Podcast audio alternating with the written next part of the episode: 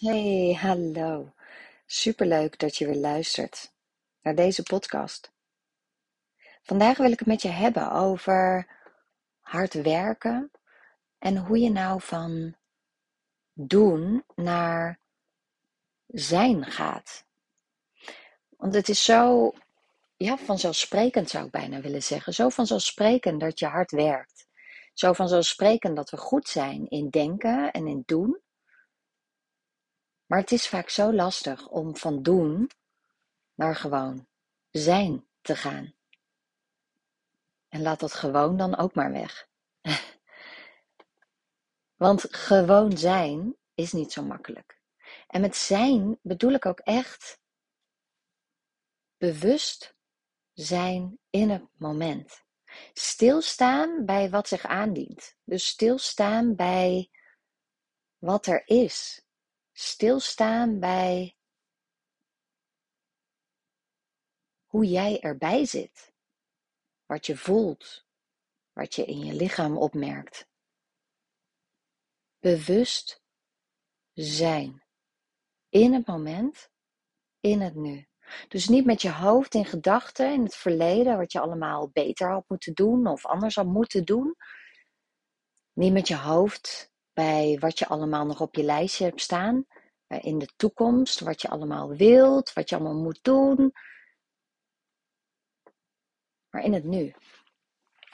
Bewust zijn. En ik had een mooi voorbeeld. Van het weekend was ik lekker in, in de tuin aan het werk. En had ik echt uh, een mooie herschoonmaak binnen. En gewoon lekker bezig. En dan zit ik zo in het doen, in het uitvoeren, dat het heel lastig is om van daaruit stil te gaan staan. Dus stil te staan en te zijn. Omdat je zoveel dingen om je heen ziet die je nog wilt doen, of die nog moeten, tussen aanhalingstekens, moeten gebeuren die je graag wil veranderen, maar je kunt niet alles tegelijk doen. En ik ben lekker in de tuin bezig geweest en grond omspitten, uh, nieuwe planten poten, onkruid weghalen, noem het allemaal maar op. En dat was fysiek, was dat, fysiek was dat een zware bezigheid. Wat ik prima kon handelen, maar na dat de hele dag gedaan te hebben, is het goed om dan te beseffen: oké, nu is het tijd voor een rustmoment. En hoe lang je dat rustmoment indeelt, is helemaal aan jou. Dat is natuurlijk allemaal oké.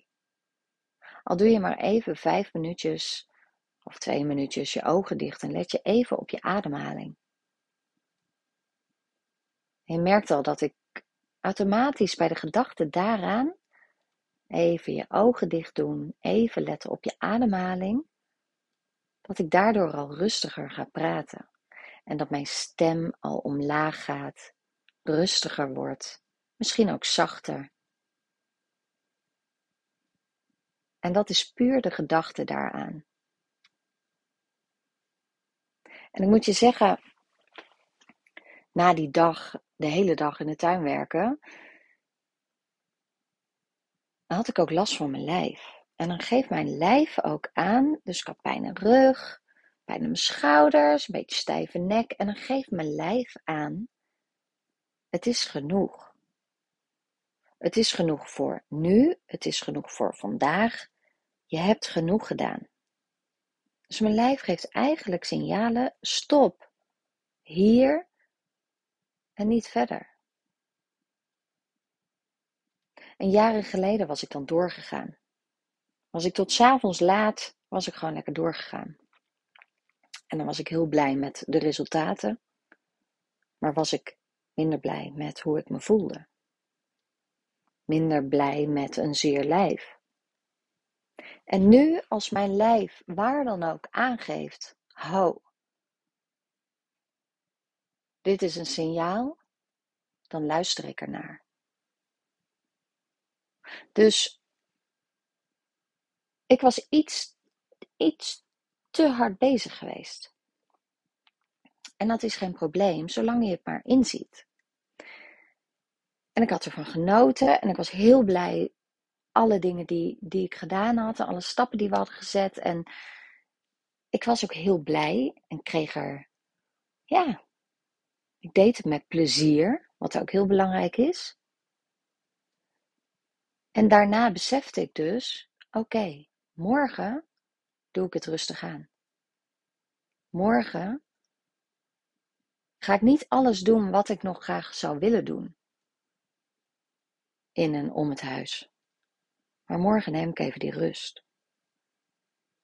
En omdat ik mezelf daarin ken, dat als ik eenmaal in die do-modus zit en het heel moeilijk is om daaruit te komen, zei ik ook tegen mijn man: help me, help me morgen dat als ik weer ga doen en alles, allerlei dingen ga oppakken en fysiek, fysiek werk ga verrichten, terwijl ik nu al last van mijn lijf heb, geef me dan even een seintje. Zeg dan alsjeblieft even tegen me: Ho, je had gezegd dat je vandaag niks zou doen. Dat je vandaag in ieder geval wat rust zou pakken. Kijk, en de lichtere dingen, prima. Maar voordat je het weet, was ik weer een stuk tuin aan het omspitten, bij wijze van. Dus omdat ik weet hoe lastig dat is van doen naar zijn te gaan en echt even die rust te pakken die je op dat moment nodig hebt, heb ik een hulplijn ingeschakeld. Want ik hoef het niet allemaal alleen te doen. Ik hoef het niet zelf te doen. En zo kun je een familielid of je partner of een vriend of vriendin kun je vragen je te helpen. En kijk dan goed naar wat jij nodig hebt. Wat jou zou helpen als diegene dat zou zeggen, op welk moment. En dat hielp dus bij mij. Dus het is zo'n visueuze cirkel waar je dan in zit van het doen. Dan heb ik het nog niet eens over het denken, maar dat is weer een heel ander verhaal. Waar ik vast weer een podcast over op zal nemen, zal nemen binnenkort. Maar om van doen naar zijn te gaan, het is best lastig. Als je in zo'n do-modus, zo'n actiemodus zit, maar je kunt simpelweg al een paar dingen onthouden.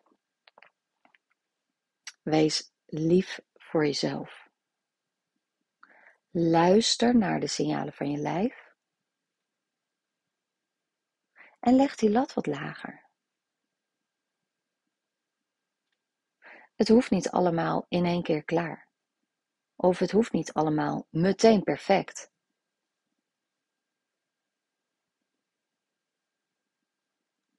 En een 8 is net zo goed.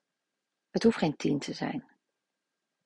Dus wees zacht voor jezelf. Wees lief voor jezelf. Kijk met zachtheid. En onthoud ook dat je het niet alleen hoeft te doen. Dus als je denkt, ik weet niet of me dat gaat lukken, bedenk wat jou zou helpen. Dan schakel iemand in.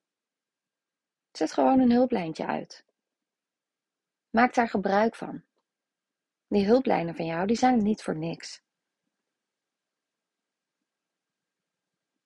En die vinden het waarschijnlijk alleen maar heel fijn om jou te helpen met zoiets kleins.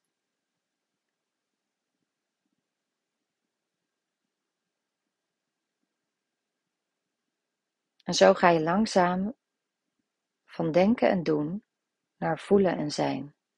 En voelen is dit keer ook niet aan bod gekomen, maar dat komt zeker vaker aan de orde. Dus ik wil je bij deze bedanken voor het luisteren. Dank je wel.